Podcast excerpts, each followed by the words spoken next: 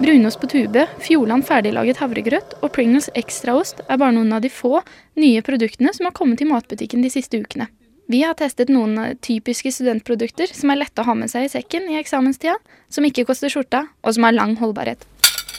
Daglig leder Anangshe Hussein på Ica Storo synes det har kommet noen rare produkter i butikken. Som bl.a.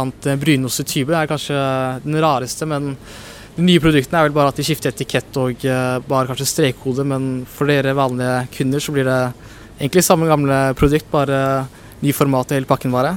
Men dette falt i smak hos tester Anne Engebråten. Den er litt sånn som det står på, at den er mer sånn, at den er sånn rund og fyldig. Jeg syns at den, den mm. gir mye mer enn det Primen gjør, f.eks. Noe som falt i smak hos begge testerne, var barbecue chickenost på tube fra Kavli. Det blir mye. Den blir for kvalmende.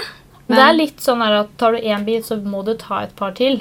Den var veldig god. Den likte jeg kjempegodt.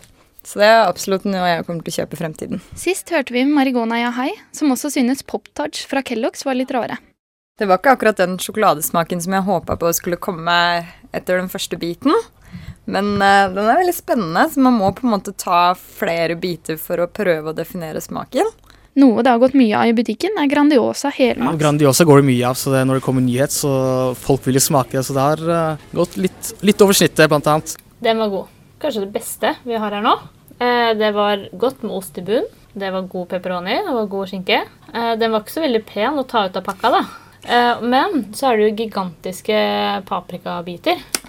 Pringles har kommet med ny smak av ekstra cheesy nacho cheese. Ja, den var veldig god. Det minner meg litt om sånn utenlandsk potetgull eller utenlandsk cheese doodles. Noen av produktene som ikke falt helt i smak, var bl.a. Tines mellommåltid, 14 med cottage cheese og hasselnøtter og tørket frukt, Philadelphia med sweet chili og ferdigretten meksikanske kjøttboller fra Toro. Cottage cheesen var jo bare helt uh, ute å kjøre.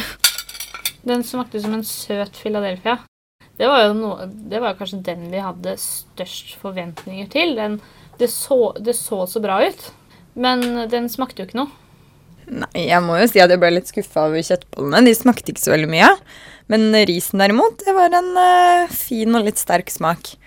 Vi testet også to pastasauser fra Ica sin nye serie Selection med mascarpone og ruccola og ricotta og parmesan. Uh, jeg likte den første best, med den ruccolaen.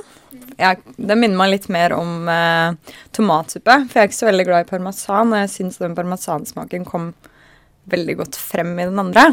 De mest populære av de nye produktene ser ut til å være Hellstrøm sin serie med ferdigretter. Jeg går vel samme gamle, egentlig, utenom kanskje Hellstrøms uh, ferdiglagde mat. For det er, jeg hadde en, en kollega av meg som skulle fylle det opp, og han, uh, før han hadde klart å putte én i hyllen, så hadde to tredjedeler allerede flydd bort. Så det, det, går greit, noen av varene, men uh, det varierer.